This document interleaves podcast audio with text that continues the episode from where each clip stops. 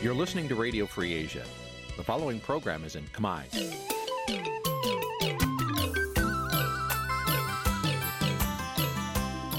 នេះជាកម្មវិធីផ្សាយ Vuthu Azizi Serai នេះជាកម្មវិធីផ្សាយរបស់ Vuthu Azizi Serai ជាភាសាខ្មែរ Vuthu Azizi Serai សូមស្វាគមន៍លោកអ្នកនាងទាំងអស់ពីរដ្ឋធានី Washington នៃសហរដ្ឋអាមេរិក។ ចាប់ពីរដ្ឋធានី Washington នាងខ្ញុំម៉ៅសុធានីសូមជម្រាបសួរលោកអ្នកស្ដាប់ទាំងអស់ជាទីមេត្រីចាយើងខ្ញុំសូមជូនការផ្សាយសម្រាប់ព្រឹកថ្ងៃពុទ្ធ600ខែអាសត់ឆ្នាំឆ្លូវត្រីស័កពុទ្ធសករាជ2565ហើយដល់ត្រូវនៅថ្ងៃទី27ខែតុលាគ្រិស្តសករាជ2021ចាជាដំបូងនេះសូមអញ្ជើញលោកអ្នកនាងកញ្ញាស្ដាប់ព័ត៌មានប្រចាំថ្ងៃដែលមានមេត្តាដូចតទៅ thank you ក្រុមគ្រួសារស្នើឲ្យសាលាដំបងរាជធានីភ្នំពេញដោះលែងសកម្មជនបរិស្ថាន និងនយោបាយដែលកំពុងជាប់ឃុំចាប់រដ្ឋមានចំនួនដីធ្លីជាមួយក្រុមហ៊ុនចិន ដែលមិនព្រមទទួលសំណងពីរដ្ឋាភិបាលនាំគ្នាតវ៉ានៅមុខសាលាខេត្តកោះកុងអាញាធមមីននិងសមាគមចិនធ្វើយុទ្ធនាការឲ្យខេត្តបរសៃអនុជាខេត្តដែលគ្មានក្របមីនត្រឹមឆ្នាំ2025 ជាប្រជាពលរដ្ឋនិងសង្គមស៊ីវិលសោកស្ដាយតំបន់រមណីយដ្ឋានកោះទន្សាយត្រូវបានក្រុមហ៊ុនចិនខុបខិតគ្នាជាមួយអ្នកមានអំណាចធ្វើអាជីវកម្មរួមនឹងព័ត៌មានផ្សេងផ្សេងមួយចំនួនទៀតជាជាបន្តទៅទៀតនេះនាងខ្ញុំម៉ៃសុធានីសូមជូនព័ត៌មានទាំងនោះពឺស្ដាចាលោកនានីជាទីមេត្រីសាលាដំបងរាជធានីភ្នំពេញកាត់ទោសតម្រឹមឲ្យសកម្មជនបរិស្ថាននិងសកម្មជននយោបាយ10នាក់ឲ្យជាប់ពន្ធនាគារ20ខែ ចាសកម្មជនទាំងនោះដែលកំពុងជាប់ឃុំជាង1ឆ្នាំហើយនោះនឹងត្រូវដោះលែងនៅខែក្រោយហើយទោសដែលនៅសេសសល់ត្រូវព្យួរទោះជាយ៉ាងណាសាច់ញាតិរបស់សកម្មជន សង្គមនិងអ្នកនយោបាយមិនពេញចិត្តចំពោះការសម្រេចរបស់សាលាដំបងក្រុងភ្នំពេញ និងឧទ្ធរត្បូងឃ្មុំកាលពីថ្ងៃទី26ខែតុលាម្សិលមិញនោះទេចាមេធាវីនឹងពិភាក្សាជាមួយកូនក្តីដើម្បីប្តឹងឧទ្ធរនិងបណ្ដឹងសារទុកបន្តទៀតលើករណីទាំងពីរនេះ ចាប់ពីរដ្ឋធានី Washington លោកមួងណារ៉េតរាយការណ៍ពុស្ដាជំវិញព័ត៌មាននេះសាច់ញាតិរបស់អ្នកជាប់ឃុំនៅតែរក្សាជំហរថាសកម្មជនទាំងអស់គ្មានកំហុសនិងចាត់ទុកការចាប់និងឃុំខ្លួនពួកគាត់កន្លងមកថាជាចេតនាបង្ក្រាបសម្លេងរិះគន់រដ្ឋាភិបាលពួកគាត់ទាមទារឲ្យតុលាការទម្លាក់ចោលរាល់បទចោទប្រកាន់ទាំងអស់និងដោះលែងឬក៏ត្រូវកាត់ក្តីថាគ្មានទោសដើម្បីផ្ដល់ភាពស្អាតស្អំឲ្យអ្នកដែលកំពុងជាប់ឃុំទាំងអស់នោះ។ ប្អូនស្រីរបស់កញ្ញាអេងម៉ាឡៃហៅសូមេតាគឺកញ្ញាអេងវ៉ាន់ឌីយល់ថាបើទោះបីជាតឡាការបានកាត់តម្រឹមហើយព្យួរទោសដាក់ពន្ធនាគារខ្លះក៏ដោយក៏មិនយុត្តិធម៌នោះដែរកញ្ញាអះអាងថាតាំងពីដើមរៀងមក បងស្រីរបស់កញ្ញាមិនបានប្រព្រឹត្តកំហុសដោយការចោទប្រកាន់នោះទេដូច្នេះកញ្ញាទាមទារឲ្យតឡាការដោះលែងកញ្ញាសូមេតាវិញជាបន្ទាន់និងដោយឥតលក្ខខណ្ឌ មើលទៅទឹកមុខនឹងស្ថានភាពរបស់ពួកគាត់គឺគាត់អត់ទទួលយកគឺគាត់អត់មានទោសកំហុសត្រូវទទួលផងអញ្ចឹងសម្រាប់គាត់អត់មានអីត្រូវទទួលយកអ្វីដែលតុលាការបានប្រកាសចែងក្រមនោះផងចក្រមសាលាដំបងរាជធានីភ្នំពេញលោកទឹកសុធីបរឆាត នៅថ្ងៃទី26ខែតុលា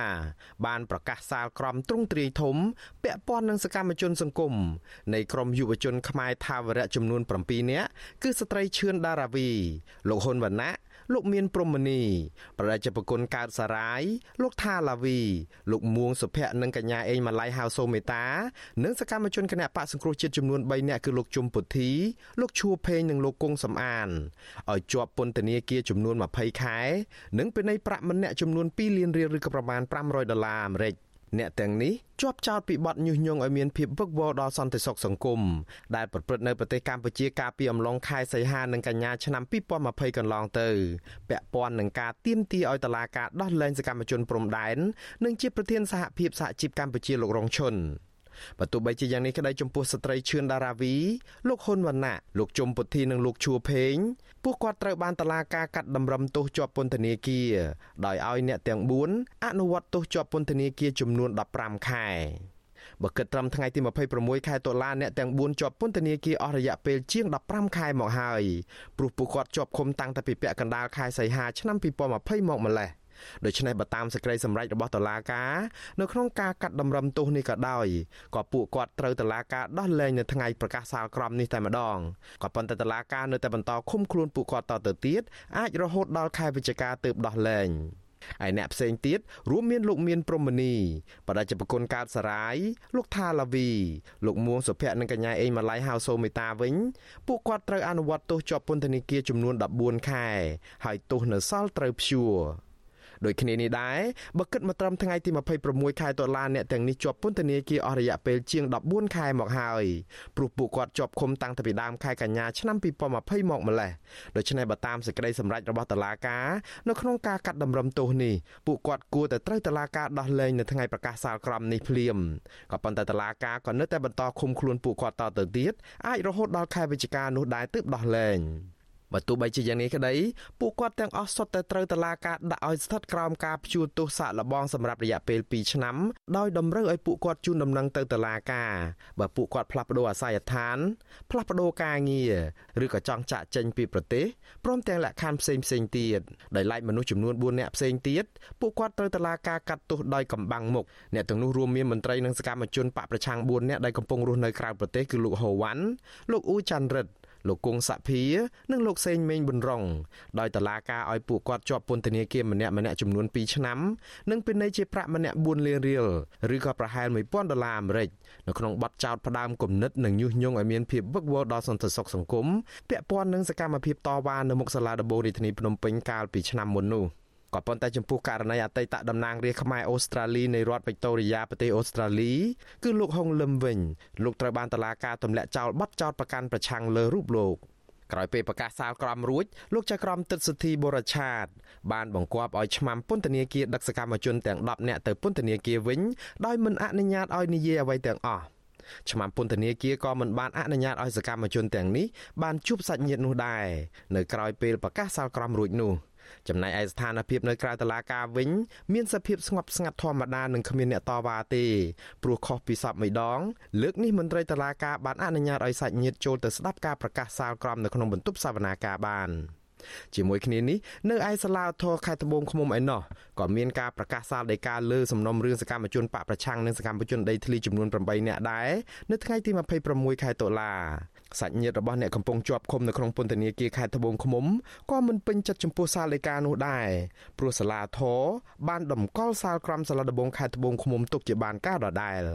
ប្រពន្ធរបស់សមាជិកក្រុមប្រឹក្សាជាប់ឆ្នោតក្រុងសួងខេត្តត្បូងឃ្មុំនៃគណៈបកសង្គ្រោះជាតិលោកអ៊ុំយេតគឺលោកស្រីងួនផល្លាដែលតឡាការអនុញ្ញាតឲ្យចូលស្ដាប់ការប្រកាសសាលដីកានោះ ឲ្យដឹងថាចៅក្រមសម្រាប់បន្ថយទោសដាក់ពន្ធនាគារ2ខែដោយឲ្យមេឃុំមេមត់ជាប់ឆ្នោតនៃគណៈបកប្រឆាំងគឺលោកលៀបសុភេងមកជាប់ទោសត្រឹមតែ10ខែវិញតែអ្នកនយោបាយនិងសកម្មជនដីធ្លី7អ្នកផ្សេងទៀតត្រូវជាប់ពន្ធនាគារ12ខែ និងពិន័យជាប្រាក់1លានរៀលឬក៏ប្រហែល250ដុល្លារអាមេរិកដដែល។ លោកស្រីទៀមទាថាយ៉ាងហោចណាស់សាឡាវធរខេត្តត្បូងឃ្មុំត្រូវកាត់ក្តីសកម្មជនទាំង8នាក់ឲ្យជាប់ពន្ធនាគារត្រឹមតែ10ខែឲ្យស្មើភាពគ្នានិងត្រូវដោះលែងពួកគាត់ឲ្យមានសេរីភាពឡើងវិញលោកស្រីអះអាងថាលោកស្រីនឹងពឹងពាក់មេធាវីដើម្បីប្តឹងសារទុកនឹងការកាត់ក្តីយ៉ាងអយុត្តិធម៌នេះ ខ្ញុំទទួលយកអត់បានទេព្រោះអីដូចថាតឡាការនឹងអត់យុត្តិធម៌ទេកាត់នឹងចាប់ថ្ងៃជាមួយគ្នាហើយអ្នកខ្លះមួយឆ្នាំអ្នកខ្លះ10ខែដូចថាអត់យុត្តិធម៌ឯតឡាការនឹងហើយធ្វើរបៀបដូចថាមិនច្បាស់លាស់ណាចឹងខ្ញុំចង់ជំនុំពរឲ្យតឡាការនឹងស្គូឡើងវិញ សំណុំរឿងក្តីឧទ្ធរណ៍នៅត្បូងឃ្មុំនេះមានជនជាប់ចោតជាង10នាក់ដែលរងបាត់ចោតញុះញង់ឲ្យមានភាពវឹកវរធ្ងន់ធ្ងរដល់សន្តិសុខសង្គមពាក់ព័ន្ធនឹងសកម្មភាពនយោបាយនិងសេរីភាពបញ្ចេញមតិដូចគ្នានៅក្នុងនោះមានសកម្មជនចំនួន8នាក់ត្រូវបានចាប់ខ្លួនគឺ6នាក់ជាសមាជិកគណៈបកសង្គ្រោះជាតិនៅក្នុងខេត្តត្បូងឃ្មុំលោកអ៊ុំយេតលោកម៉ាក់សំអាន លោកព្រៅចន្ទឿននិងលោកស្រីខនតនចំណែកឯម្នាក់ទៀតគឺជាតំណាងសហគមន៍ដីធ្លីស្រែប្រាំងគឺលោកសែមចំណាន និងម្នាក់ទៀតគឺជាតំណាងសហគមន៍ដីធ្លីជាំក្រវៀនលោកផុនសុផលដោយឡែកលោកស៊ូយៀនត្រូវតឡាការដោះលែងនៅពេលថ្មីថ្មីនេះក្រោយជាប់ពន្ធនាគារបានមួយឆ្នាំក្នុងសំណុំរឿងនេះដដែលតឡាការខេត្តត្បូងឃ្មុំក៏កាត់ទោសកំបាំងមុខ តំណាងរាស្ត្រជាប់ឆ្នោតខេត្តត្បូងឃ្មុំនៃគណៈបកសង្គ្រោះជាតិលោកវណ្ណរិទ្ធនិងមន្ត្រីគណៈបកប្រឆាំងនៅតាមមូលដ្ឋានចំនួន5នាក់ទៀតគឺលោកស៊ូយេនលោកតាំងសុផុនលោកញឹមថនលោកជាយ៉ាម៉ននិងលោកឃ្លីកវីនៅក្នុងបទញុះញង់ឲ្យមានភាពវឹកវរធ្ងន់ធ្ងរដល់សន្តិសុខសង្គមដោយជាប់ពន្ធនាគារម្នាក់មួយឆ្នាំនិងពិន័យជាប្រាក់ម្នាក់1លានរៀល ជំវិញការប្រកាសសាលក្រមនិងសាលដីការបស់តុលាការទាំងពីរនេះមេធាវីសោកស្ដាយចំពោះការកាត់ក្តីឲ្យសកម្មជនទាំងអស់មានទោសលោកមេធាវីសំសុគង្គពន្យល់ថាសកម្មភាពតវ៉ាកន្លងមកគឺជាការប្រើប្រាស់សិទ្ធិសេរីភាពសម្ដែងមតិដែលគ្រាន់តែទាមទារឲ្យដោះលែងលោករងឈុនតែប៉ុណ្ណោះហើយថាកូនក្តីរបស់លោកគ្មានបំណងទៅញុះញង់ឬក៏បង្កឲ្យមានភាពវឹកវរធ្ងន់ធ្ងរដល់សន្តិសុខសង្គមនោះទេ ចំណែកឯករណីនៅខេត្តត្បូងឃ្មុំក៏កូនក្តីរបស់លោកមិនបានញុះញង់អ្វីនោះដែរលោកនឹងជួបកូនក្តីទាំងអស់ដើម្បីពិភាក្សាការបដិងសាទុកទៅសាលាធរភ្នំពេញនិងតុលាការកំពូលក្រុមអ្នកខ្លាំមើលសិទ្ធិមនុស្សក៏បង្ហាញការមិនពេញចិត្តនឹងការសម្រេចក្តីនៅក្នុងសំណុំរឿងបែបនយោបាយនេះដែរប្រធានសមាគមការពារសិទ្ធិមនុស្សអាត់ហុកលោកនីសុខាព្រួយបារម្ភថាការកាត់ទោសកម្មជន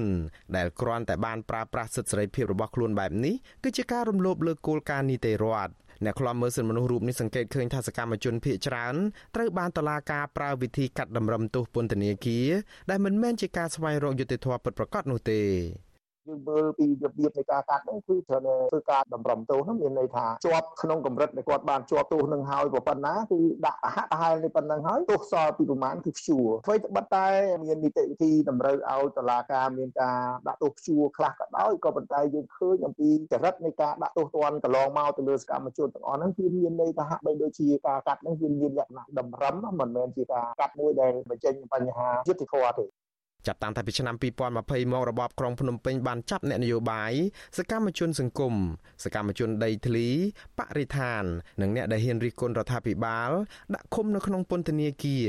ក្រោមបទញុះញង់ចូលរួមគំនិតក្បត់ជេរប្រមាថរដ្ឋាភិបាល ប្រមាថព្រះមហាក្សត្រ ដែលសរុបទាំងអស់មានជិត90នាក់ទៅហើយដោយគ្រាន់តែពួកគាត់អនុវត្តសិទ្ធិជាមូលដ្ឋានរបស់ខ្លួនជាទូទៅសកម្មជនភៀសច្រើនត្រូវបានតឡាការកាត់ក្តីថាមានទោសជានិច្ចបើទោះបីជាក្រុមអ្នកខ្លាំមើលជឿជាក់ថាតឡាការរកមិនឃើញបាត់ល្មើសក៏ដោយទន្ទឹមនឹងនេះសហគមន៍ជាតិនិងអន្តរជាតិនិងក្រុមអ្នកជំនាញសិទ្ធិមនុស្សអង្គការសហប្រជាជាតិផង តែងតែហៅការចាប់ខ្លួន ការផ្ដន់ទាទោសកម្មជនកន្លងមក ថាជាការបង្ក្រាបសម្លេងរិះគន់និងជាអំពើរំលោភសិទ្ធិមនុស្ស ខ្ញុំបាទមុងណារ៉េត With you Asisari ពីរដ្ឋធានី Washington ចាលោកនាងជាទីមេត្រីនៅឯខេត្តកោះកុងឯណោះវិញប្រជាប្រដ្ឋប្រមាណ70នាក់តំណាងឲ្យប្រដ្ឋជាង100គ្រួសារនៅក្នុងឃុំចំនួន3នៃស្រុកគិរីសាគរនាំគ្នាដាក់ញត្តិនៅសាលាខេត្តនេះដើម្បីស្នើឲ្យអាជ្ញាធរផ្ដល់ដំណោះស្រាយសារជាថ្មី ក្រោយដែលពួកគាត់មិនព្រមទទួលយកគោលនយោបាយរដ្ឋាភិបាលដីធ្លីកាលពីពេលកន្លងទៅនេះ ចាសង្គមស៊ីវិលសង្ឃឹមថាអាជ្ញាធរខេត្តនិងក្រសួងដែនដីនឹងពិនិត្យមើលសំណើរបស់ប្រជាពលរដ្ឋដោយយកចិត្តទុកដាក់ដើម្បីឈានទៅដល់ការដោះស្រាយបញ្ចប់វិវាទដីធ្លីដ៏រ៉ាំរ៉ៃមួយនេះដោយជោគជ័យចាសសូមលោកនាងស្ដាប់សេចក្តីរាយការណ៍របស់លោកទីនសាករាយាជុំវិញរឿងនេះដូចតទៅប្រជាពលរដ្ឋនៅឃុំប្រែកខ្សាច់ឃុំភ្ញីមាសនិងឃុំកោះស្ដេចជិត150គ្រួសារនៅស្រុកគិរីសាគរទាមទារឲ្យអាជ្ញាធរចុះពិនិត្យមើលដីទំហំផ្ទះ និងដីចំការរបស់ពួកគេឲ្យបានត្រឹមត្រូវហើយពិភាក្សាផ្ដាល់សំណងគោលនយោបាយសាជាថ្មីឲ្យស្របទៅនឹងទំហំដីដែលបរដ្ឋបាត់បង់ទៅក្រុមហ៊ុនចិន Union Development Group តំណាងបរដ្ឋខុំកោះស្ដាច់លោកស្រីសាំងពុយថ្លែងថាគោលនយោបាយដោះស្រាយដីធ្លីរបស់រដ្ឋាភិបាលឲ្យបរដ្ឋតែចាប់ឆ្នោតយកដីឡូនៅទីតាំងថ្មីកន្លងទៅនេះគឺគ្មានដំណាភាពនិងគ្មានយុទ្ធធននោះទេដោយសារតែអាជ្ញាធរមិនបានបង្ហាញឲ្យប្រជាពលរដ្ឋយល់ដឹងច្បាស់ជាមុនអំពីគោលនយោបាយនេះ ក្រៅតែពីប្រើវិធានការចាប់បង្ខំឲ្យពលរដ្ឋដែលមានដីជាច្រើនហិកតា បង្ខំឲ្យពលរដ្ឋយកសំណងដូចគ្នានឹងពលរដ្ឋដែលមានដីតិចជាង1ហិកតាលោកស្រីបន្តថាការដោះស្រាយបញ្ហាដីធ្លីដោយអាជ្ញាធរខេត្តកោះកុងនិងក្រសួងដែនដីនៅពេលនេះគឺនៅមានភាពមិនប្រក្រតីជាច្រើនដោយសារតែពលរដ្ឋខ្លះមានដីធ្លីត្រឹមត្រូវបែជាពុំមានឈ្មោះទទួលសំណងរីឯក្រុមពលរដ្ឋដែលធ្លាប់ទទួលសំណងពីរដ្ឋម្ដងហើយទទួលបានសំណងម្ដងទៀត លោកស្រីឲ្យដឹងថាអាញាធរបានចាត់គ្រូសាលោកស្រីនិងម្ដាយលោកស្រីចូលទៅក្នុងប្រភេទទី2ដែលត្រូវទទួលដី2ហិកតាពីរដ្ឋក្រោយពីអាញាធរថាដីធ្លីរបស់លោកស្រី8ហិកតា និងដីចំការ17ហិកតាទៀតស្ថិតនៅខុសភូមិតំណាងបរដ្ឋដែលចេញតវ៉ាជាច្រើនឆ្នាំមកនេះស្នើសុំឲ្យអាជ្ញាធរខេត្តកោះកុងនិងក្រសួងពាក់ព័ន្ធពិចារណាឡើងវិញហើយផ្ដល់សំណងជូនពលរដ្ឋឲ្យបានសមរម្យជាងនេះ ដោយផ្អែកទៅតាមទំហំនិងសន្តានដីជាក់ស្ដែងរបស់ប្រជាពលរដ្ឋដែលស្ថិតនៅក្នុងគម្រោងរបស់ក្រុមហ៊ុនពេលគាត់រងចាំជាង10ឆ្នាំតែពេលដោះស្រាយទុកពេលវេលាឲ្យគាត់តែប្រហែលថ្ងៃអត់ដោយអត់មានការប្រយោគប្រយល់សម្បោះសម្រួលបងគិតថា គាត់ដុតជាដាក់សម្ពាធមកលើបងប្អូនជាពលរដ្ឋពេកហើយគាត់ចង់សំណូមពរឲ្យគាត់ជួយសម្របសម្រួលដល់ស្រ័យសារជាថ្មីឲ្យមានភាពយុត្តិធម៌សមស្របឲ្យបងប្អូនជាពលរដ្ឋទទួលយកបានចាហើយព្រោះពួកបងមិនចង់ជំទាស់ការអភិវឌ្ឍទេប៉ុន្តែសូមឲ្យរដ្ឋាបងប្អូនអាចទៅរស់នៅកន្លែងថ្មីហ្នឹងវាល្អជាងឬក៏វាដូចថាប្រកបអាជីពអីបានអញ្ចឹងណាវិទ្យុអាស៊ីសេរីមិនអាចតតងអភិបាលខេត្តកោះកុងនៅស្រីមិថុនាពូថង និងរដ្ឋលេខាធិការក្រសួងដែនដីលោកទេពធុនដើម្បីសុំការឆ្លើយតបពីរឿងនេះបានទេនៅថ្ងៃទី26ដុល្លារជុំវិញនឹងរឿងនេះអ្នកសម្រាប់សម្រួលនៃអង្គការសិទ្ធិមនុស្សលីកាដូប្រចាំខេត្តកោះកុងលោកហ៊ូអ៊ីនៅដឹងថាអាជ្ញាធរខេត្តកោះកុងបានហៅប្រជាពលរដ្ឋដែលមិនព្រមទទួលយកគោលនយោបាយពីរដ្ឋាភិបាល ទៅពិភាក្សាគ្នាពីលើកមកហើយប៉ុន្តែបរដ្ឋនៅតែបដិសេធមិនទទួលយកសំណងដដែលលោកបន្តថាទោះបីជាប្រជាពលរដ្ឋ មិនទាន់យល់ព្រមទទួលយកគោលនយោបាយដោះដូរនេះក៏ដោយក៏អាជ្ញាធរនិងក្រសួងដែនដីគួរតែរិះរងមធ្យោបាយថ្មីហើយបន្តដោះស្រាយជូនប្រជាពលរដ្ឋឲ្យចប់សពគ្រប់មន្ត្រីសង្គមស៊ីវិលផ្នែកសិទ្ធិមនុស្សដែលតាមដានរឿងនេះរំពឹងថាអាជ្ញាធរខេត្តកោះកុងនិងក្រសួងដែនដីពិនិត្យមើលសំណើរបស់ពលរដ្ឋដោយយកចិត្តទុកដាក់និងទទួលខុសត្រូវខ្ពស់ដើម្បីឈានទៅដល់ការដោះស្រាយបញ្ចប់វិវាទដីធ្លីជាមួយក្រុមហ៊ុនចិន Union Development Group ការដោះស្រាយមានរយៈពេលតាំងពីឆ្នាំ2010មកដល់ឥឡូវវាវា11ឆ្នាំហើយហើយការដោះស្រាយក៏មានរូបភាពផ្សេងផ្សេងគ្នាដែររវាងប្រជាពលរដ្ឋមួយក្រុមមួយក្រុមណាហើយលើកនេះខ្ញុំជឿជាក់ថាអាជ្ញាធរដើម្បីបញ្ចប់ចំនួនដ៏រ៉ាំរ៉ៃហើយនឹងមិនឲ្យប្រជាពលរដ្ឋនៅតែមានការរងគ្រោះពីគម្រោងអភិវឌ្ឍរបស់ក្រុមហ៊ុនយូយៀនតទៅមុខទៀតហើយដើម្បីបង្ហាញថាអាជ្ញាធរក៏ដូចជាខាងរាជរដ្ឋាភិបាលគិតគូរទៅលើផលប្រយោជន៍របស់ប្រជាពលរដ្ឋក្តីសោករបស់ប្រជាពលរដ្ឋអាជ្ញាធរក៏ដូចជា ក្រសួងដែនដីនិងខិតខំដោះស្រាយចំនួននេះឲ្យបានជោគជ័យទាំងអស់គ្នាការដោះស្រាយបានជោគជ័យគឺការដោះស្រាយដោយមានភាពយុត្តិធម៌មិនមែនជាការដោះស្រាយដោយមានការបង្ខំកាលពីថ្ងៃទី15ដុល្លារអាជ្ញាធរខេត្តកោះកុងចេញលិខិតជូនដំណឹងមួយដល់ប្រជាពលរដ្ឋដែលមិនទាន់ធ្វើកិច្ចសន្យាទទួលយកគោលនយោបាយពីរដ្ឋាភិបាលឲ្យប្រញាប់មកជួបអាជ្ញាធរដើម្បីចាប់ដីឡូត្រឹមថ្ងៃទី22ដុល្លារដើម្បីជៀសវាងការបាត់បង់ផលប្រយោជន៍នៅពេលខាងមុខ អាជ្ញាធរបញ្ជាក់ថាបើសិនជាពលរដ្ឋខកខានមិនបានទទួលយកដំណោះស្រាយនេះតាមកាលកំណត់ដោយអាជ្ញាធរជាតិដោះស្រាយដំណោះដីធ្លីទេនោះចាត់ទុកថាពលរដ្ឋបោះបង់សិទ្ធិទទួលយកគោលនយោបាយដោះស្រាយបញ្ហាដីធ្លីពីរដ្ឋាភិបាលហើយអាជ្ញាធរមិនទទួលខុសត្រូវរាល់ការបាត់បង់ផលប្រយោជន៍របស់ប្រជាពលរដ្ឋឡើយរដ្ឋាភិបាលសម្រេចបែងចែកពលរដ្ឋជាង1300នាក់ចេញជា3ប្រភេទពលរដ្ឋប្រភេទទី1ដែលរស់នៅក្នុងទីតាំងវិនិយោគក្រុមហ៊ុន មានចំនួន247គ្រួសារទទួលបានដីទំហំផ្ទះកន្លះហិកតា ដីចម្ការ3ហិកតា និងថវិកា9000ដុល្លារក្នុងមួយគ្រួសារចំពោះពលរដ្ឋប្រភេទទី2ដែលទីតាំងដីពួកគាត់ខុសភូមិនិងឃុំ មានចំនួន255គ្រួសារទទួលបានដីចម្ការទំហំ2ហិកតាក្នុងមួយគ្រួសាររីឯពលរដ្ឋប្រភេទទី3ដែលស្នើសុំគោលនយោបាយបន្ថែម មានជាង800គ្រួសារទៀត គឺទទួលបានដីចម្ការទំហំ1ហិកតាក្នុងមួយគ្រួសារចំណែកប្រជាពលរដ្ឋស្នើសុំដីសម្បត្តិសង្គមគិច្ចអាជ្ញាធរខេត្តកោះកុងអះអាងថារដ្ឋាភិបាលនឹងដោះស្រាយតាមក្រោយគិតមកដល់ពេលនេះមានប្រជាពលរដ្ឋសរុបជាង600គ្រួសារដែលព្រមទទួលយកសំណងនិងដោះដូរដីទៅនៅទីតាំងថ្មីតាមគោលនយោបាយរបស់រដ្ឋាភិបាល ក្រុមហ៊ុនចិន Union Development Group បានទទួលដីសម្បត្តិសេដ្ឋកិច្ចនៅចំកណ្ដាលឧទ្យានជាតិបទុមសាគរក្នុងខេត្តកោះកុងសរុបចំនួនជាង45000ហិកតាពីរបបលហ៊ុនសែនកាលពីឆ្នាំ2008ដើម្បីសាងសង់ទីក្រុងទេសចរដ៏ធំមួយដែលត្រូវចំណាយទឹកប្រាក់ជិត4000លានដុល្លារគម្រោងអភិវឌ្ឍនេះបានបណ្ដាលឲ្យប្រជាពលរដ្ឋខ្មែរជាង1300គ្រួសារត្រូវចាកចេញពីលំនៅឋានរបស់ពួកគេ កាលពីឆ្នាំ2020 ក្រសួងរដ្ឋាភិបាលអាមេរិកបានសម្រេចដាក់ទណ្ឌកម្មក្រុមហ៊ុននេះក្រោយពីរកឃើញថាក្រុមហ៊ុនចិនមួយនេះមានជាប់ពាក់ព័ន្ធនឹងអំពើពុករលួយ ការច្បាមយកដី និងរំលោភសិទ្ធិមនុស្សនៅកម្ពុជា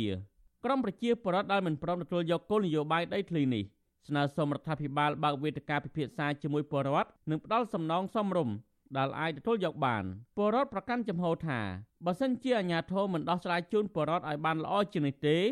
នោះពួកគាត់នឹងនាំគ្នាចេញតវ៉ាតាមស្ថាប័នរដ្ឋលុះត្រាទទួលបានដំណោះស្រាយសមរម្យខ្ញុំទីនសាការីយ៉ាស៊ីសេរីប្រធានីវ៉ាស៊ីនតោន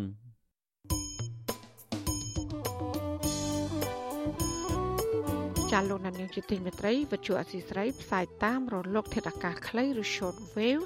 តាមកម្រិតនិងកម្ពស់ដូចតទៅចាពេលព្រឹកគឺចាប់ពីម៉ោង5កន្លះដល់ម៉ោង6កន្លះគឺតាមរយៈរលក ធាតុអាកាសខ្លី9940 kHz ស្មើនឹងកម្ពស់ 30ម៉ែត្រចាសម្រាប់ពេលយប់វិញចាប់ពីម៉ោង7កន្លះដល់ម៉ោង8កន្លះគឺតាមរយៈរលក ធាតុអាកាសខ្លី 9960 kHz ស្មើនឹងកម្ពស់ 30ម៉ែត្រហើយនឹង11240 kHz ស្មើនឹងកម្ពស់ 25ម៉ែត្រចាសសូមអរគុណ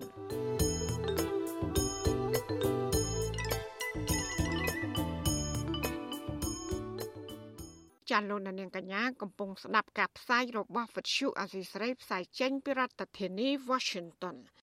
ចាប្រជាសហគមន៍ប្រៃឡង់នៅខេត្តព្រះវិហាររកឃើញបាត់ល្មើសព្រៃឈើជិត100ករណីថ្មីទៀតដែលមានជាប់ពាក់ព័ន្ធជាមួយក្រុមហ៊ុនវៀតណាម PNT ដែលនៅតែបញ្ជូនកម្មកររាប់សិបនាក់ចូលព្រៃឡង់ដើម្បីអាចឈើមូលធំធំធ្វើអាជីវកម្មចាពួកគេលើកឡើងថាការរកឃើញនេះក្រោយដែលបានចោះល្បាតដោយលួចលាក់រយៈពេល5ថ្ងៃដើម្បីប្រមូលភស្តុតាងនិងឃ្លាំមើលពីស្ថានភាពព្រៃឈើនៅក្នុងតំបន់ព្រៃឡង់ ចាអ្នកស្រីសុជីវីរាយការណ៍ព័ត៌មាននេះពីរដ្ឋធានី Washington ប្រជាសហគមន៍ព្រៃឡង់និងសកម្មជនការពារព្រៃឈើមិនពេញចិត្តនឹងរដ្ឋាភិបាលដែលនៅតែមិនចាប់អារម្មណ៍ទៅលើមន្ត្រីខិលខូចនៅខេត្តព្រះវិហារដែលបណ្តែតបណ្តោយឲ្យមានបទល្មើសព្រៃឈើទ្រង់ទ្រាយធំកើតឡើងដដែលដដែលនៅក្នុងដែនសមត្ថកិច្ចរបស់ខ្លួន។ ពួកគេអះអាងថានៅពេលចុះល្បាតព្រៃរយៈពេលជិតមួយសប្តាហ៍ចាប់ពីថ្ងៃទី19ដល់ថ្ងៃទី23ខែតុលាកន្លងទៅពួកគេប្រទះឃើញកម្មកររបស់ក្រុមហ៊ុនវៀតណាម PNT ជាច្រើនក្រុមបានបោះតង់ស្នាក់នៅក្នុងព្រៃប្រដាប់ដោយវិទ្យុតាក់ទងស្ទើរគ្រប់ដៃរណាយន្តនិងគោយន្ត15គ្រឿងដើម្បីដឹកឈើចេញពីព្រៃឡង់នៅចំណុចយាងប្រាសាទគោលអូអាចដែកនិងជួមតាងុតឆ្ពោះទៅដេប៉ូស្តុកឈើរបស់ក្រុមហ៊ុនមួយនេះ ស្ថិតនៅជាយព្រៃឡង់នៅក្នុងស្រុករវៀងខេត្តព្រះវិហារប្រធានសហគមន៍ព្រៃឡង់លោកស្រីថៃឲ្យដឹងកាលពីថ្ងៃទី26ខែតុលាថាសកម្មភាពកាប់ឈើខុសច្បាប់ទ្រង់ទ្រាយធំនៅព្រៃអភិរក្សនេះគឺមានការខົບខិតគ្នារវាងមន្ត្រីបរិស្ថាននិងក្រុមហ៊ុនវៀតណាម PNT លោកថាដើមឈើធំធំមានមុខកាត់ចាប់ពី6ទឹកដល់ជាង1ម៉ែត្រ នៅតែប្រឈមត្រូវកាប់ផ្ដួលធ្វើអាជីវកម្មពីសំណាក់កម្មករក្រុមហ៊ុនវៀតណាមរាប់សិបនាក់បានពង្រាយនៅក្នុងព្រៃដើម្បីកាប់ឈើនៅចំពោះមុខមន្ត្រីបរិស្ថាន រយៈពេលជាង2សប្តាហ៍មកហើយលោកអំពីវនីវជាថ្មីទៀតឲ្យរដ្ឋាភិបាលចាប់អារម្មណ៍លើមន្ត្រីខិលខូចរបស់ខ្លួនដែលនៅតែបណ្តែតបណ្តោយឲ្យមានសកម្មភាពកាប់ឈើខុសច្បាប់ដដែលៗធ្វើឲ្យព្រៃឡង់វិនិច្ឆ័យហិនហោចលាយហើយបើ រដ្ឋាភិបាលមិនចាប់អារម្មណ៍ទៅលើអាមន្ត្រីខែលខូចនៅខាងក្រមហ្នឹងដឹងថាវាលាយហើយព្រៃឈើយើងមិនអាចស្ទប់បានទេបើខ្ញុំទៅសួរអ្នកដែលអាចឈើអោយទៅសួរថាឃើញមន្ត្រីប្រាក់ខែមួយថាឃើញមកហើយគេមកធ្វើអីទោះថាគេមកគេក៏ទៅជួបមេការក៏ដោះស្រាយបាយទឹកតិចតួចគេជាប់គ្នាទៅអញ្ចឹងអាការបើកដៃពីមន្ត្រីនេះមិនទៅមានដដែលដដែលថាវាមិនខំខទេអារឿងបាត់មើលព្រៃឈើនៅតែកើនឡើងដដែលដដែលលោកស្រីថៃបន្ថែមថាកម្មកររបស់ក្រុមហ៊ុននេះមានអាវុធកែច្នៃពីដើម បានគម្រាមបាញ់ពួកលោក ក្នុងពេលចុះឃ្លាំមើលបទល្មើសព្រៃឈើរីឯមន្ត្រីបរិស្ថានដែលឈរជើងយាមព្រៃនៅទីនោះមិនបានបង្ក្រាបបទល្មើសព្រៃឈើនោះទេបែរជាព្យាយាមស្វែងរកអ្នកការពារព្រៃឈើដើម្បីអនុវត្តច្បាប់ក្រុមហ៊ុន PNT ទទួលបានដីសម្បត្តិសេដ្ឋកិច្ចពីរដ្ឋាភិបាលទំហំជិត8000ហិកតា នៅស្រុករវៀងខេត្តព្រះវិហារកាលពីឆ្នាំ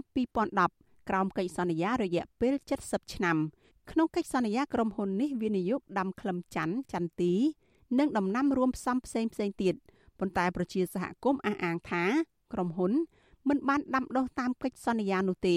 ដោយផ្ដោតទៅលើការកាប់ឈើទៅវិញ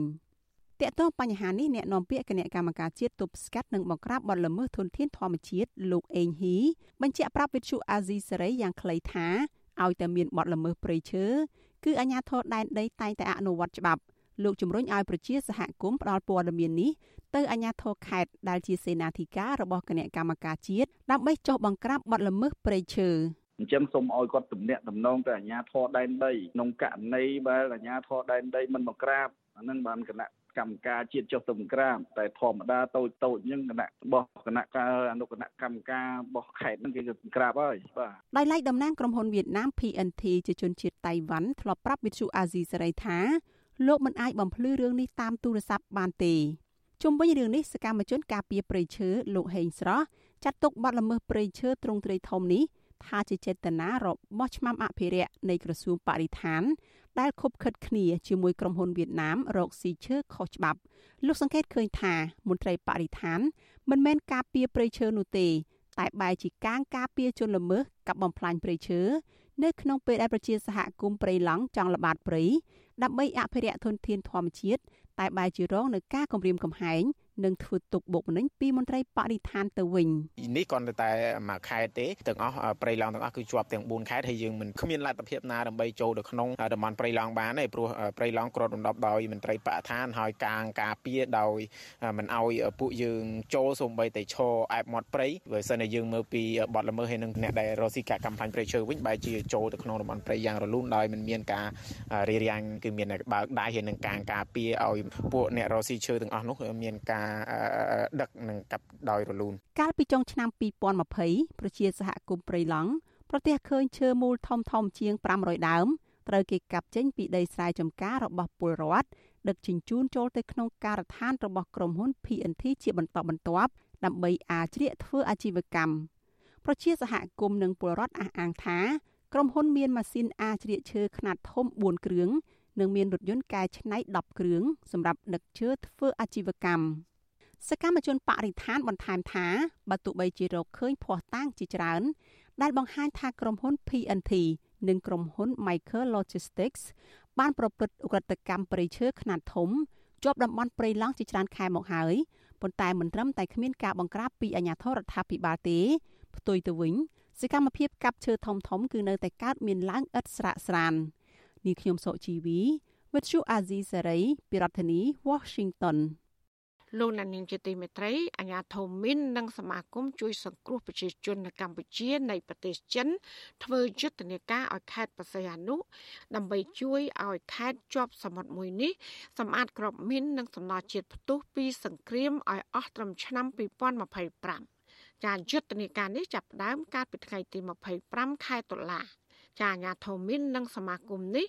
បានចុះអនុសារណៈនៃការយោគយល់គ្នា ដើម្បីគៀកោធនធាន ពីអ្នកវិនិយោគជនជាតិចិន ទាំងនៅក្នុងនិងក្រៅប្រទេស ដើម្បីគ្រប់គ្រងដល់ការងារបោសសម្អាតមានឲ្យអស់ពីខេត្តបរសៃអនុខណៈដែលរដ្ឋាភិបាល បានកំណត់ក្នុងផែនការរៀបចំដែនដីខេត្តនេះ គឺជាពលអភិវឌ្ឍជាតិប្រកបដោយចីរភាព នៅតំបន់ឆ្នេរសមុទ្រកម្ពុជា។ ចានុប្រធានទី1អាញាធមមានលោកលីថុចថ្លែងថាវិស័យមីននៅកម្ពុជា សាធារណរដ្ឋប្រជាមានិតចិន បានចូលរួមជាមួយកម្ពុជា តាំងពីឆ្នាំ2015ដោយបានឧបត្ថម្ភគ្រប់គ្រងទាំងថវិកាសម្ភារៈបច្ចេកទេសនិងការបណ្ដុះបណ្ដាលធនធានមនុស្សចារដ្ឋបាលខេត្តបរសែននោះឲ្យដឹងថាខេត្តនេះមានផ្ទៃដីសរុបប្រមាណជាង260,000គីឡូម៉ែត្រក្រឡាក្នុងនោះ គឺមានចំការមីននិងចំការគ្រាប់បន្ទាន់ផ្ទុះទំហំជាង5គីឡូម៉ែត្រក្រឡាគឺស្មើនឹង48ចំការមីនក្នុងនោះគឺមាននៅក្នុងស្រុកព្រៃនប់3ចំការមីននិងស្រុកកំពង់សាឡា45ចំការចាស់ចំការទាំងអស់នេះมันបានបោះសម្អាតដល់ឡើយទេ ដែលនេះគឺជាក្តីព្រួយបារម្ភនិងជាការគំរាមកំហែងទៅអាញាធមមានខិតខំខ្នះខ្នែងគៀកោរកជំនួយពីដៃគូគ្រប់គ្រងលើវិស័យមីន។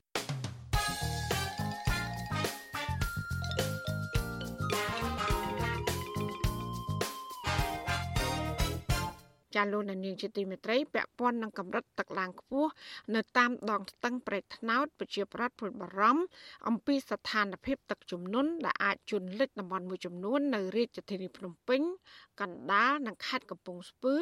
ដោយសារតែទឹកហក់ឡើងខ្ពស់ខ្លាំងដល់កម្រិតប្រកាសអាសន្ន ចាពួកគាត់ឲ្យដឹងថាបញ្ហានេះបានធ្វើឲ្យរងផលប៉ះពាល់មុខរបរអាជីវកម្មផ្ទះសម្បែងទ្រព្យសម្បត្តិសត្វចិញ្ចឹមនិងផលដំណាំរាប់រយហិកតាចាមន្ត្រីសង្គមស៊ីវិលអំពាវនាវដល់អាជ្ញាធរពាក់ព័ន្ធប្រញាប់ដោះស្រាយបញ្ហាទាំងនេះជូនពួកគាត់ជាបន្ទាន់អ្នកស្រីខែសំណងរាយការណ៍ពុស្ដាអំពីរឿងនេះដូចតទៅ លំនៅឋានអ្នកភូមិជាច្រើនគ្រួសារនៅភូមិសាស្ត្រមួយចំនួនក្នុងរាជធានីភ្នំពេញខេត្តកណ្ដាលនិងខេត្តកំពង់ស្ពឺដែលជាប់សណ្ដោស្ទឹងព្រៃថ្នោតត្រូវបានទឹកជន់លិចជាបន្តបន្ទាប់ក្នុងរយៈពេលប្រមាណថ្ងៃជាប់គ្នាកន្លងមកនេះដោយសារចំនួនទឹកភ្លៀងក្រុមគ្រួសារពលរដ្ឋរងគ្រោះបាននាំគ្នាជំលះចេញបណ្ដាបណ្ដាហើយនៅថ្ងៃទី26ខែតុលាស្របពេលស្ថានភាពកម្ពស់ចំនួនទឹកភ្លៀងហក់ឡើងដល់កម្រិតប្រកាសអាសន្ន ពលរដ្ឋរងគ្រោះទឹកជំនន់នៅសង្កាត់កងណយខណ្ឌដង្កោរាជធានីភ្នំពេញលោកស្រីស៊ីមសំអាតប្រាប់វិទ្យុអាស៊ីសេរីនៅថ្ងៃទី26តុលាថាទឹកជំនន់លិចផ្ទះរបស់លោកស្រីតាំងពីថ្ងៃទី24ខែតុលាបណ្ដាលឲ្យពលរដ្ឋរងគ្រោះជាច្រើនគ្រួសារជំលះរកទីទួលសុវត្ថិភាព ដោយប្រក់តង់កៅស៊ូតាមបណ្ដោយថ្នល់ហើយរហូតមកដល់ពេលនេះទឹកនៅមិនទាន់ស្រកនៅឡើយទេ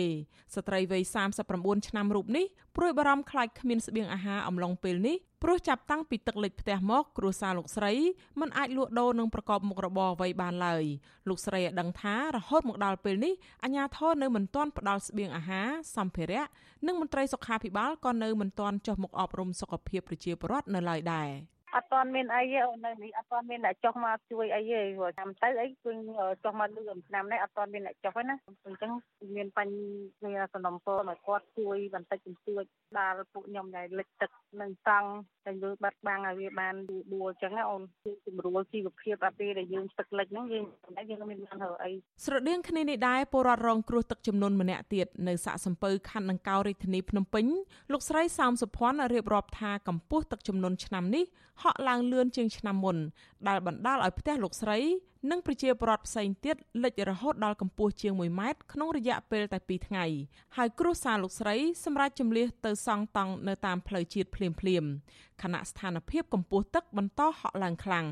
ស្ត្រីវ័យ42ឆ្នាំរូបនេះត្អូញត្អែថារឿងចំនួនទឹកភ្លៀងនេះកើតឡើងស្ទើររាល់ឆ្នាំបណ្ដាលឲ្យពលរដ្ឋរងគ្រោះដោយមិនអាចឲ្យប្រជាពលរដ្ឋប្រកបមុខរបរខូចខាតទ្រព្យសម្បត្តិ ជាពិសេសលោកស្រីព្រួយបារម្ភកូនតូចតូចងាយប្រឈមលងទឹកប៉ះពាល់ជីវភាពនិងជំងឺអាសន្នទ្រោគផ្សេងផ្សេងលោកស្រីស្នើអាជ្ញាធរពាក់ព័ន្ធយកចិត្តទុកដាក់ចំពោះទុកលំបាកប្រជាពលរដ្ឋដែលកំពុងរងគ្រោះឲ្យបានទាន់ពេលវេលាលិចខ្លាំងហើយផ្ទះខ្ញុំទៀនវាត្រូវតែលិចចឹងខ្ញុំមកឡើងលើហ្នឹងចង់ឲ្យគាត់ជួយដល់ស្បៀងផ្ដល់អីឲ្យខ្លះចឹងអូនណាព្រោះអីយើងបានធ្វើការយើងនៅផ្ទះចឹងទឹកលិចចឹងទៅណារួចទេលិចអស់ហើយ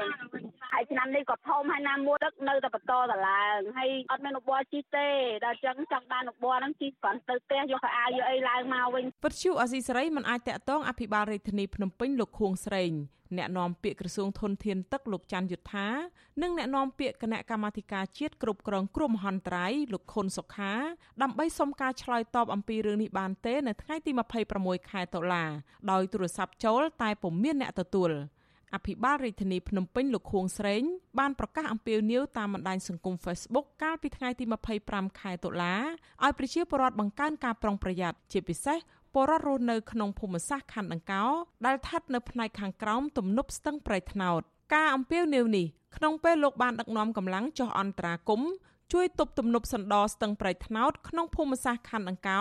ដែលស្ថានភាពទឹកកំពុងបន្តហក់ឡើងខ្លាំង ជាមួយគ្នានេះដែរអភិបាលខេត្តកណ្ដាលលោកគង់សុភ័ណ្ឌបានឲ្យដឹងថារហូតមកដល់ថ្ងៃទី26ខែតុលាស្ថានភាពចំនួនទឹកភ្លៀងនៅក្នុងភូមិសាស្ត្រខេត្តកណ្ដាលប៉ះពាល់នៅក្នុងឃុំមួយចំនួននៃស្រុកកណ្ដាលស្ទឹង ដែលហូរពីស្ទឹងប្រៃថ្នោតមកប៉ុន្តែมันប៉ះពាល់ធ្ងន់ធ្ងរឬមិនទាន់ដល់កម្រិតប្រកាសអាសន្ននៅឡើយទេ ដោយអាជ្ញាធរអាចគ្រប់គ្រងស្ថានភាពនេះបាន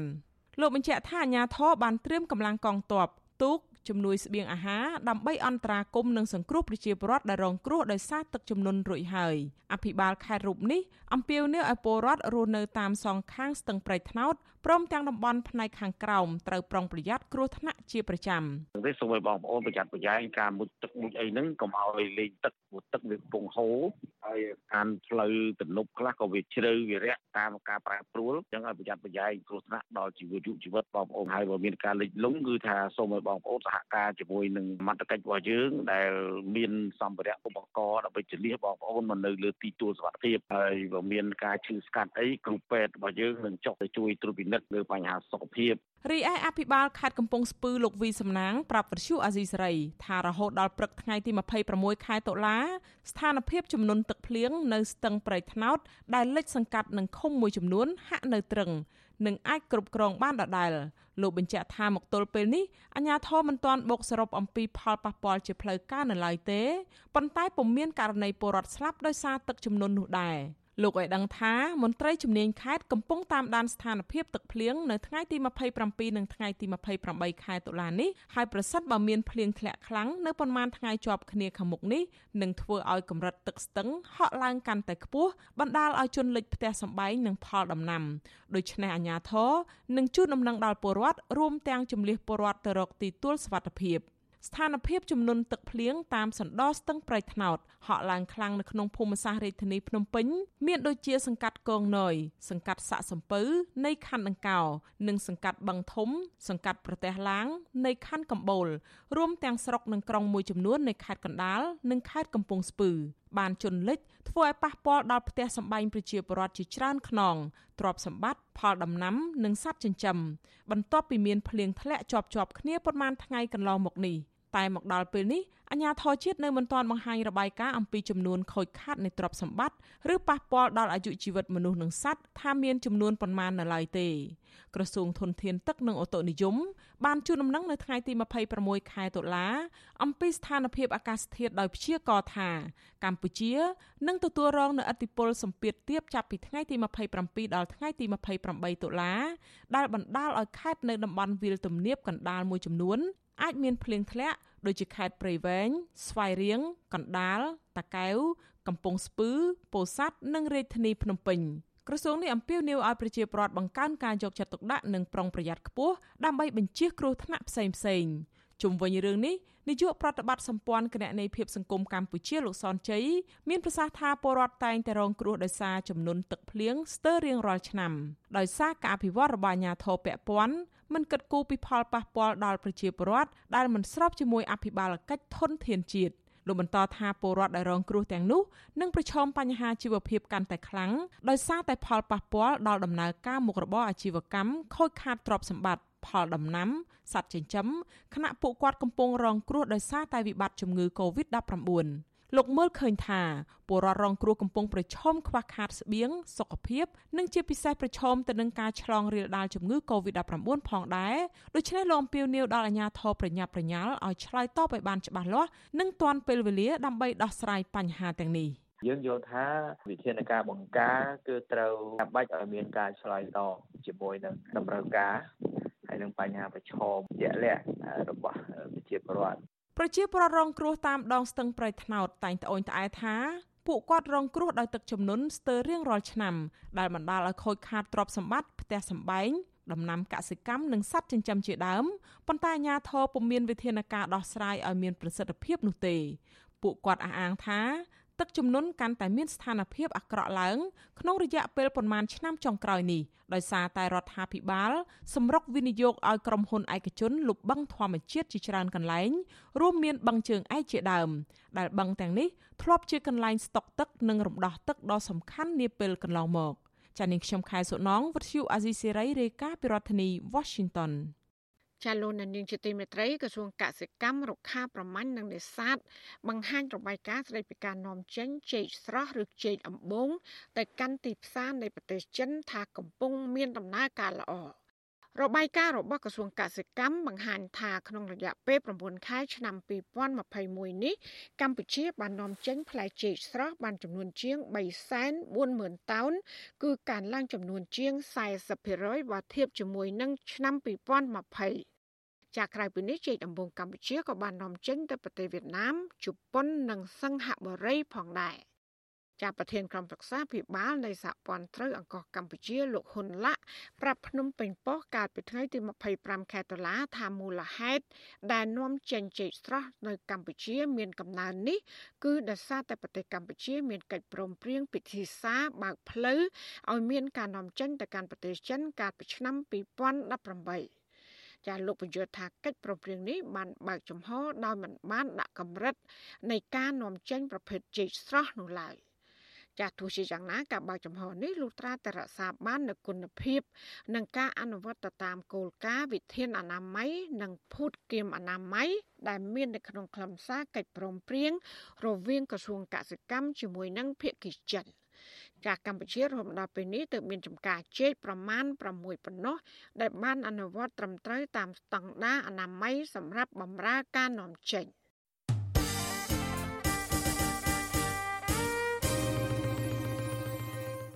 ចាលោកនាងកញ្ញាកំពុងស្ដាប់ការផ្សាយរបស់វិទ្យុអាស៊ីស្រីផ្សាយចេញពីរដ្ឋធានី Washington ចាពាក់ព័ន្ធនឹងអ្នកស្លាប់ដោយសារជំងឺ Covid-19 វិញអ្នកជំងឺ Covid-19 8អ្នកទៀតបានស្លាប់ក្នុងនោះ5អ្នកមិនបានចាក់វ៉ាក់សាំងបង្ការជំងឺ Covid-19 ចំពោះករណីឆ្លងថ្មីវិញគឺមានចំនួន112នាក់ក្នុងនោះគឺមាន10នាក់ជាករណីនាំចូលពីក្រៅប្រទេសចានេះគឺជាលទ្ធផលដែលបានបញ្ជាក់ដោយម៉ាស៊ីនពិសោធន៍ PCR ចាស់គិតត្រឹមព្រឹកថ្ងៃទី26ខែតុលាកម្ពុជាមានអ្នកកើតជំងឺ Covid-19 សរុបចំនួន118,000នាក់ក្នុងនោះ គឺមានអ្នកជាសះស្បើយមានជាង113,000នាក់ ចាចំណែកករណីស្លាប់វិញក្រសួងសុខាភិបាលអះអាងថារហូតដល់ពេលនេះគឺមានអ្នកស្លាប់បានកើនឡើងដល់ទៅ2751នាក់ ចាចំពោះការចាក់វ៉ាក់សាំងបង្ការជំងឺ Covid-19 វិញក្រសួងក៏បានប្រកាសថាគិតត្រឹមថ្ងៃទី25ខែតុលារដ្ឋាភិបាល បានចាក់ជូនប្រជាពលរដ្ឋដែលមានអាយុ6ឆ្នាំឡើងទៅ បានកាន់តែជិតសម្រាប់ផែនការ100%ហើយ ក្នុងចំណោមអ្នកដែលត្រូវចាក់សរុបជិត14លាននាក់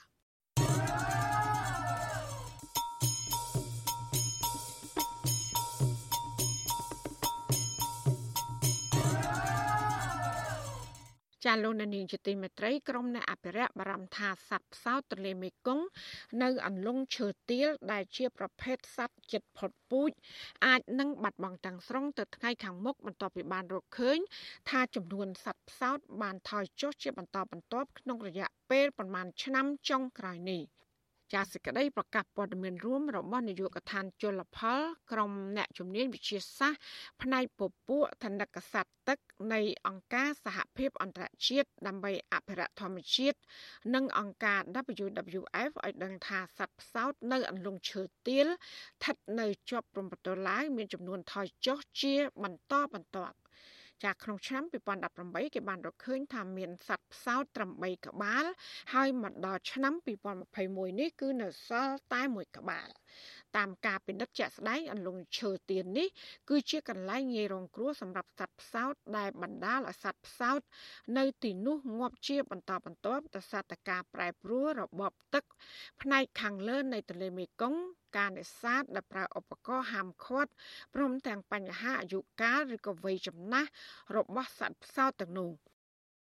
ចាកតាគម្រាមកំហែងដែលធ្វើឲ្យសត្វផ្សោតចិត្តផុតពូជរួមមានងាប់ដល់ជាប់នឹងមងនេសាទ ការអភិវឌ្ឍទំនប់វារីអគ្គិសនីនៅខ្សែទឹកប៉ែកខាងលើមេគង្គការនេសាទហួសកម្រិត និងការអនុវត្តវិធីសាស្ត្រនេសាទបែបបំផ្លាញដូចជាការប្រើឧបករណ៍ឆក់ជាដើម កាលពីឆ្នាំ2007គេបានកត់ត្រាថាមានសត្វផ្សោតពេញវ័យចំនួន8ក្បាលរស់នៅអន្លង់ឈើទាលដែលស្ថិតនៅចន្លោះព្រំដែនកម្ពុជានិងឡាវចាតកតងនឹងបញ្ហាចំនួនសត្វផ្សោតដែលបានថយចុះឬក៏ប្រឈមនឹងបាត់បង់ទាំងស្រុងនៅអន្លង់ឈើទាលនេះអ្នកវិទ្យាសាស្ត្រក៏បានប្រមានដែរថាចំនួនសត្វផ្សោតនៅទន្លេមេគង្គទាំងមូលអាចនឹងប្រឈមការបាត់បង់ផងដែរ។ ចាស់កាលពីឆ្នាំ2020គេបានរកឃើញថាមានសត្វផ្សោតសរុបត្រឹម89ក្បាលរស់នៅអន្លង់សំខាន់សំខាន់នៃដងទន្លេមេគង្គចាប់ពីទីរួមខេត្តក្រចេះរហូតដល់ព្រំប្រទល់ប្រទេសឡាវត្រង់ប៉ែកខាងក្រោមនៃល្បាក់ខោន thank you ចាលោកនាងជាទីមេត្រីក្នុងឱកាសនេះដែរនាងខ្ញុំសូមថ្លែងអំណរគុណដល់លោកនាងកញ្ញាដែលតែងតែមានភក្ដីភាពចំពោះការផ្សាយរបស់យើង ហើយចាត់ទុកការស្ដាប់វិទ្យុអសីស្រីជាផ្នែកមួយនៃសកម្មភាពប្រចាំថ្ងៃរបស់លោកអ្នកចាការគ្រប់គ្រងរបស់លោកនាងនេះហើយដែលធ្វើយើងខ្ញុំមានទឹកចិត្តកាន់តែខ្លាំងបន្ថែមទៀតក្នុងការស្វែងរកនិងផ្តល់ព័ត៌មាន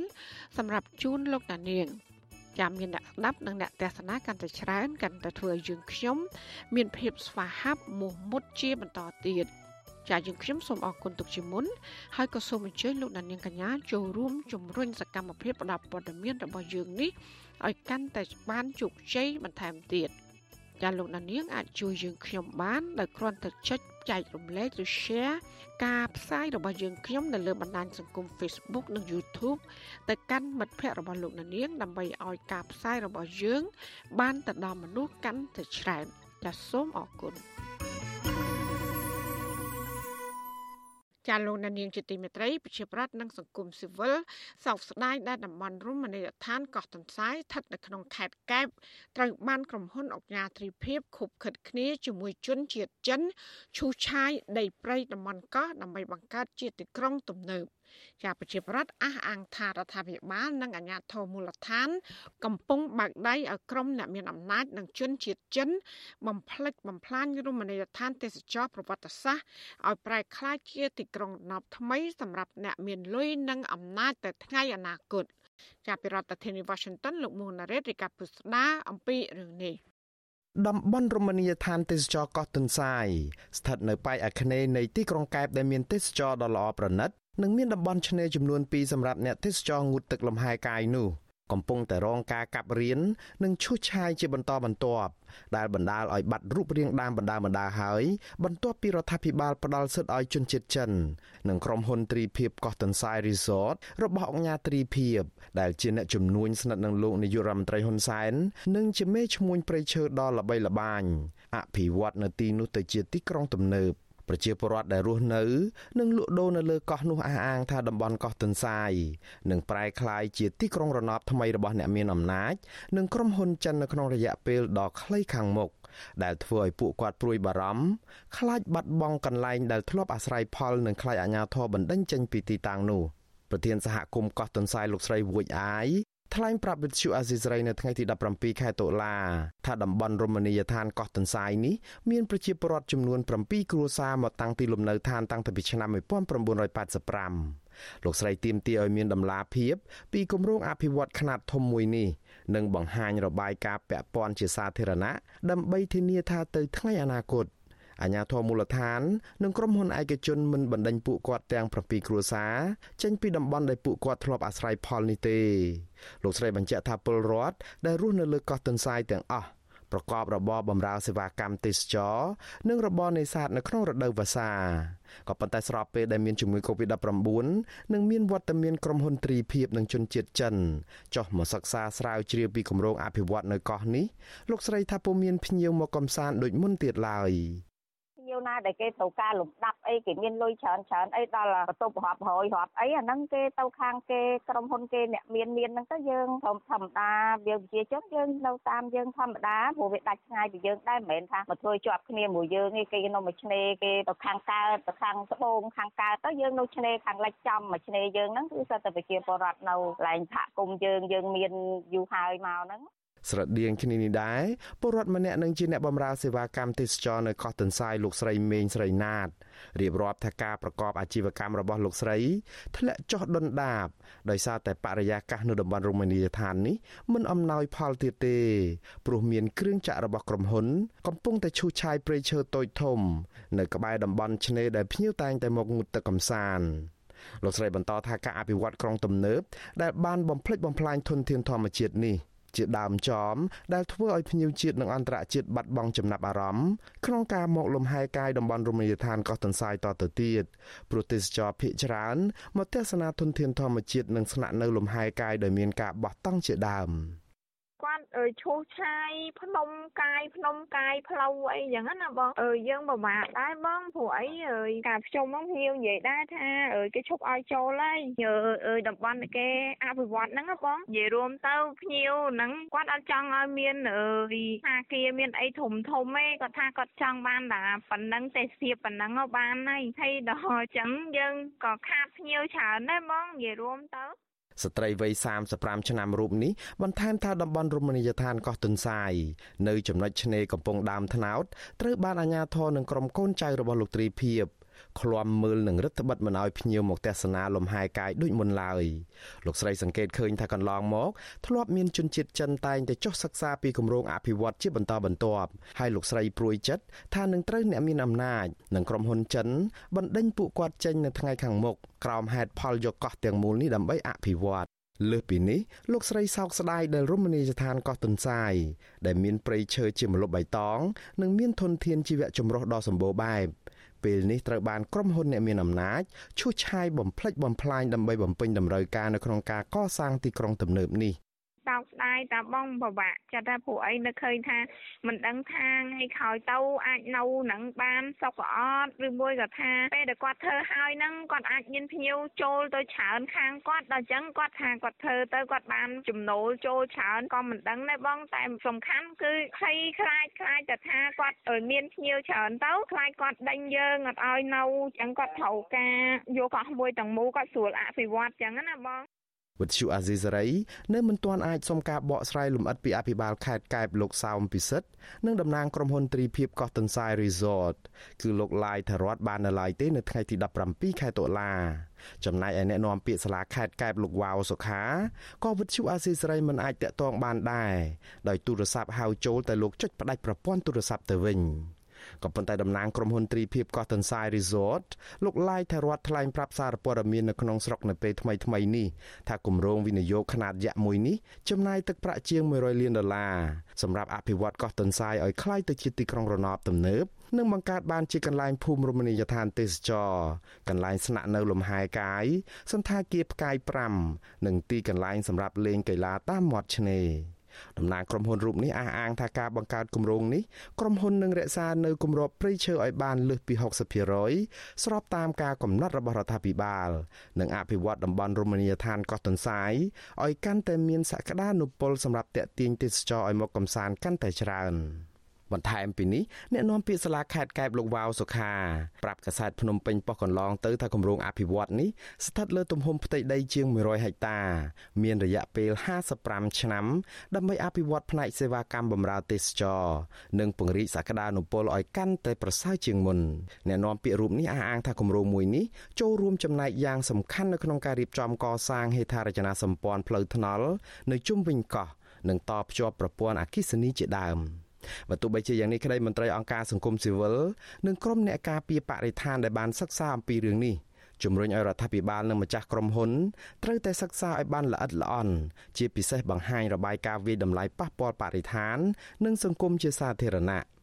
សមាជិកបណ្ដាញយុវជនកម្ពុជា CYN លោកសាន់ម៉ាឡាសង្ឃឹមថារដ្ឋាភិបាលនិងក្រុមហ៊ុនអនុវត្តគម្រោងនេះនឹងមានការទទួលខុសត្រូវលើធនធានធម្មជាតិនិងប្រជាពលរដ្ឋមូលដ្ឋាន ជៀសវាងការលក់ធនធានសម្បត្តិធម្មជាតិឲ្យក្រុមហ៊ុនឯកជនសម្រាប់អភិវឌ្ឍហើយធ្វើឲ្យប្រជាពលរដ្ឋនៅមូលដ្ឋានទឹកភ្នែកលោកបន្តថាអាជ្ញាធរនិងក្រុមហ៊ុនត្រូវតែជួបពិភាក្សាគ្នាជាមួយនឹងប្រជាពលរដ្ឋមូលដ្ឋាន ដើម្បីធានាថាមិនបំបិទសិទ្ធិនៃការប្រកបរបរនៅលើកោះទន្សាយ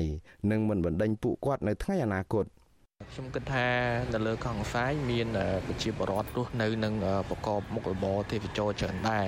អញ្ចឹងក្រុមហ៊ុនក៏ត្រូវតែស្រួលនឹងថ្មិចឲ្យប្រជាពលរដ្ឋតូចតាចគាត់អាចប្រកបរបររកស៊ីបាទទាញចំណូលពីកោះនេះ ដោយស្មើភាពគ្នាជាមួយក្រុមហ៊ុនมันមានការរកស៊ីផ្ដាច់មុខហើយបិទសិទ្ធិប្រជាពលរដ្ឋអីនោះទេបាទនេះជាអ្វីដែលខ្ញុំសង្ឃឹម កាលពីឆ្នាំ2009រដ្ឋាភិបាលបានប្រគល់សិទ្ធិវិនិយោគកោះនេះឲ្យក្រុមហ៊ុនចិនក៏ប៉ុន្តែនៅឆ្នាំ2018រដ្ឋាភិបាលក៏សម្រេចដកសិទ្ធិនេះវិញដោយប្រជាពលរដ្ឋមូលដ្ឋានអះអាងថាក្រុមហ៊ុនចិនចង់ក្តោបក្តាប់កោះទន្សាយទាំងមូលនិងចង់បណ្ដេញពួកគាត់ឲ្យចេញពីកន្លែងដែលធ្លាប់អាស្រ័យផលជាមួយរឿងនេះអ្នកសម្របសម្រួលគម្រោងធុរកិច្ចនិងសិទ្ធិមនុស្សនៃមជ្ឈមណ្ឌលសិទ្ធិមនុស្សកម្ពុជាលោកវ៉ាន់សុផាតយល់ថាគម្រោងអភិវឌ្ឍខ្នាតធំមួយនេះ បង្កើតឡើងសម្រាប់តែអ្នកមានលុយមានអំណាចតែប៉ុណ្ណោះចំពោះប្រជាពលរដ្ឋក្រីក្រវិញពួកគាត់ពុំមានលទ្ធភាពទៅទស្សនាកំសាន្តនៅតំបន់កោះនេះនោះឡើយលើសពីនេះទៅទៀតលោកទៀមទាយ៉ាងទទូចដល់រដ្ឋាភិបាលឲ្យគិតគូរពីផលប៉ះពាល់សង្គមនិងគោរពសិទ្ធិប្រជាពលរដ្ឋមូលដ្ឋានជាអាទិភាព ដើម្បីកុំឲ្យពួកគេរស់នៅក្នុងក្តីព្រួយបារម្ភអំពីគម្រោងអភិវឌ្ឍមួយនេះ។ អ្នកដែលគាត់អាចទៅទស្សនាបានគឺគាត់ទៅទស្សនាទៅអ្នកដែលរងផលប៉ះពាល់នៅតែប៉ះពាល់ទៅហើយពិសេសគឺជាពលរដ្ឋដែលថាមានផលប្រយោជន៍អីគឺជាពលរដ្ឋនៅទីនោះភាគច្រើនដល់ទៅពេលអញ្ចឹងទៅគាត់ខ្លាយទៅជាកម្មករពីណាហើយពីការព្រួយបារម្ភរបស់យើងយើងថាមិនទៅគោរពសិទ្ធិមនុស្សណាបាទអញ្ចឹងគាត់អត់ទៅពិសិដ្ឋពិសិដ្ឋមនុស្សរបស់ប្រជាពលរដ្ឋអត់ទៅពិសិដ្ឋពិសិដ្ឋរបស់កម្មករមកទេភាគច្រើនគឺថាធ្វើម៉េចរកតែស្វែងរកផលចំណេញទេ ទីក្រុងកែបមានកោះតូចធំចំនួន12នៅក្នុងនោះក៏មានកោះទន្សាយដែលមានផ្ទៃដីសរុបជិត200ហិកតាដែលជារមណីយដ្ឋានមានធនធានធម្មជាតិដ៏ស្រស់ត្រកាលមានឆ្នេរខ្សាច់ពពកនិងស្រស់ស្អាត និងមានធនធានជីវៈចម្រុះច្រើនប្រភេទក៏ប៉ុន្តែបច្ចុប្បន្ននេះទីកោះនេះកំពុងតែរងការបំផ្លិចបំផ្លាញនិងឈូសឆាយព្រៃពីសំណាក់ក្រុមហ៊ុនឯកជន ដែលមានទំនាក់ទំនងជាមួយក្រុមអ្នកមានអំណាច ក្រៅពីនេះប្រជាពលរដ្ឋអះអាងថាតំបន់កោះមួយចំនួនទៀតដូចជាកោះពោក៏នឹងអាចប្រែក្លាយទៅជាក្រុងទំនើបដែរព្រោះមានវិនិយោគិនជនជាតិចិន បានចុះមកសិក្សាពីគម្រោងអភិវឌ្ឍនេះជាបន្តបន្ទាប់លើពីនេះប្រជាពលរដ្ឋព្រួយបារម្ភថានៅថ្ងៃអនាគតតំបន់កោះទន្សាយនឹងត្រូវបានក្រុមហ៊ុនរបស់អ្នកមានអំណាចនិងក្រុមហ៊ុនចិនកាន់កាប់ទាំងស្រុងហើយពួកគាត់នឹងត្រូវប្រឈមការបណ្តេញចេញក្រោមហេតុផលអភិវឌ្ឍនេះជាជាមិនខានខ្ញុំបាទមួងណារ៉េត វិទ្យុអាស៊ីសេរីប្រធានាធិបតី Washington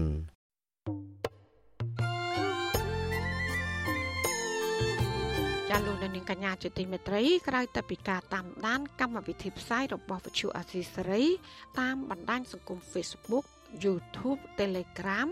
លោកអ្នកក៏អាចតាមដានកម្មវិធីផ្សាយរបស់យើងតាមរយៈបណ្ដាញសង្គម Instagram របស់អាស៊ីសេរីបាន តាមរយៈតំណ link www.instagram.com/rfa ខ្មែរចាអាស៊ីសេរីនឹងបន្តខិតខំផ្សព្វផ្សាយព័ត៌មានពិត ទៅកាន់បងប្អូនតាមរយៈបណ្ដាញសង្គមផ្សេងផ្សេងនិងសម្បូរបែប ដើម្បីឲ្យលោកអ្នកនាងងាយស្រួលតាមដានការផ្សាយរបស់អសីស្រីគ្រប់ពេលវេលា ហើយគ្រប់ទីកន្លែងតាមរយៈទូរស័ព្ទដៃរបស់លោកអ្នកចាសសូមអរគុណ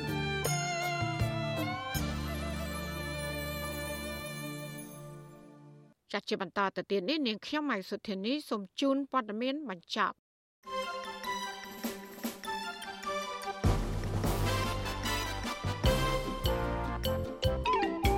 ឡាតដំបងរាជធានីភ្នំពេញកាត់ទោសតម្រឹមឲ្យសកម្មជនបរិស្ថាននិងសកម្មជននយោបាយ10នាក់ឲ្យជាប់ពន្ធនាគារក្នុងម្នាក់ម្នាក់20ខែចាសកម្មជនទាំងនោះដែលកំពុងជាប់ឃុំជាង1ឆ្នាំហើយនោះនឹងត្រូវដោះលែងនៅខែក្រោយហើយទោសដែលនៅសេសសល់ត្រូវព្យួរ ទោះជាយ៉ាងណាសាច់ញាតិរបស់សកម្មជន សង្គមនិងអ្នកនយោបាយមិនពេញចិត្តចំពោះការសម្រេចរបស់សាលាដំបងក្រុងភ្នំពេញ និងឧទ្ធរត្បូងឃ្មុំកាលពីថ្ងៃទី26ខែតុលាម្សិលមិញនោះទេចាមេធាវីនឹងពិភាក្សាជាមួយកូនក្តីដើម្បីប្តឹងឧទ្ធរនិងបណ្ដឹងសារទុកបន្តទៀតលើករណីទាំងពីរនេះ ចានៅខេត្តកោះកុងឯនោះវិញប្រជាពលរដ្ឋប្រមាណជា70នាក់តំណាងឲ្យប្រជាជាង100គ្រួសារនៅក្នុងឃុំចំនួន3នៃស្រុកគ្រីសាកូបាននាំគ្នាដាក់ញត្តិនៅសាលាខេត្តនេះស្នើអាជ្ញាធរផ្ដល់ដំណោះស្រាយសារជាថ្មីក្រោយដែលពួកគាត់មិនព្រមទទួលយកគោលនយោបាយរដ្ឋាភិបាលដីធ្លីកាលពីពេលកន្លងទៅនេះ។ ចាប្រជាសហគមន៍ប្រៃឡង់នៅខេត្តព្រះវិហាររកឃើញបាត់ល្មើសព្រៃឈើជិត100ករណីជាថ្មីទៀតដែលមានជាប់ពាក់ព័ន្ធជាមួយក្រុមហ៊ុនវៀតណាម PNT ហើយដែលនៅតែបញ្ជូនកម្មកររាប់សិបនាក់ចូលប្រៃឡង់អាចឈើមូលធំធំធ្វើអាជីវកម្ម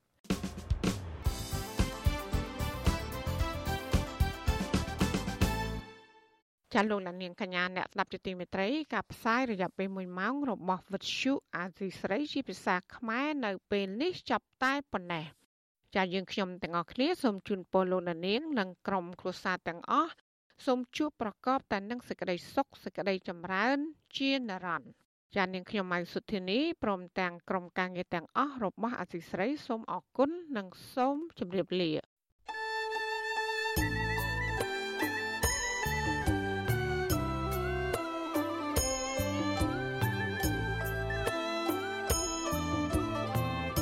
វិទ្យុអាស៊ីសេរីផ្សាយតាមរលក ធាតុអាកាសខ្លីឬ short wave តាមកម្រិតនិងកម្ពស់ដូចតទៅនេះពេលព្រឹកចាប់ពីម៉ោង5កន្លះដល់ម៉ោង6កន្លះតាមរយៈរលក ធាតុអាកាសខ្លី13715 kHz ស្មើនឹងកម្ពស់ 22m ពេលយប់ចាប់ពីម៉ោង7កន្លះដល់ម៉ោង8កន្លះតាមរយៈរលក ធាតុអាកាសខ្លី9960 kHz ស្មើនឹងកម្ពស់ 30m និង11240 kHz ស្មើនឹងកម្ពស់ 25m លោកអ្នកនាងក៏អាចស្ដាប់ការផ្សាយផ្ទាល់តាមប្រព័ន្ធអ៊ីនធឺណិតដោយចូលទៅកាន់គេហទំព័រ www.rfa.org/ ខ្មែរក្រៅពីនេះលោកអ្នកនាងក៏អាចអាននិងទស្សនាព័ត៌មានវិទ្យុអាស៊ីសេរីលើទូរស័ព្ទដៃរបស់លោកអ្នកផ្ទាល់ សូមលោកអ្នកនាងចូលទៅកាន់បណ្ដាញសង្គម Facebook ដែលមានអាសយដ្ឋាន www.facebook.com/rfa cambodia និង YouTube www.youtube.com/rfa khmer video សូមលោកអ្នកនាងចុច like និងចុច Subscribe ដើម្បីទទួលបានព័ត៌មានថ្មីៗទាន់ហេតុការណ៍និងទស្សនាវីដេអូផ្សេងៗទៀតបានគ្រប់ពេលវេលា។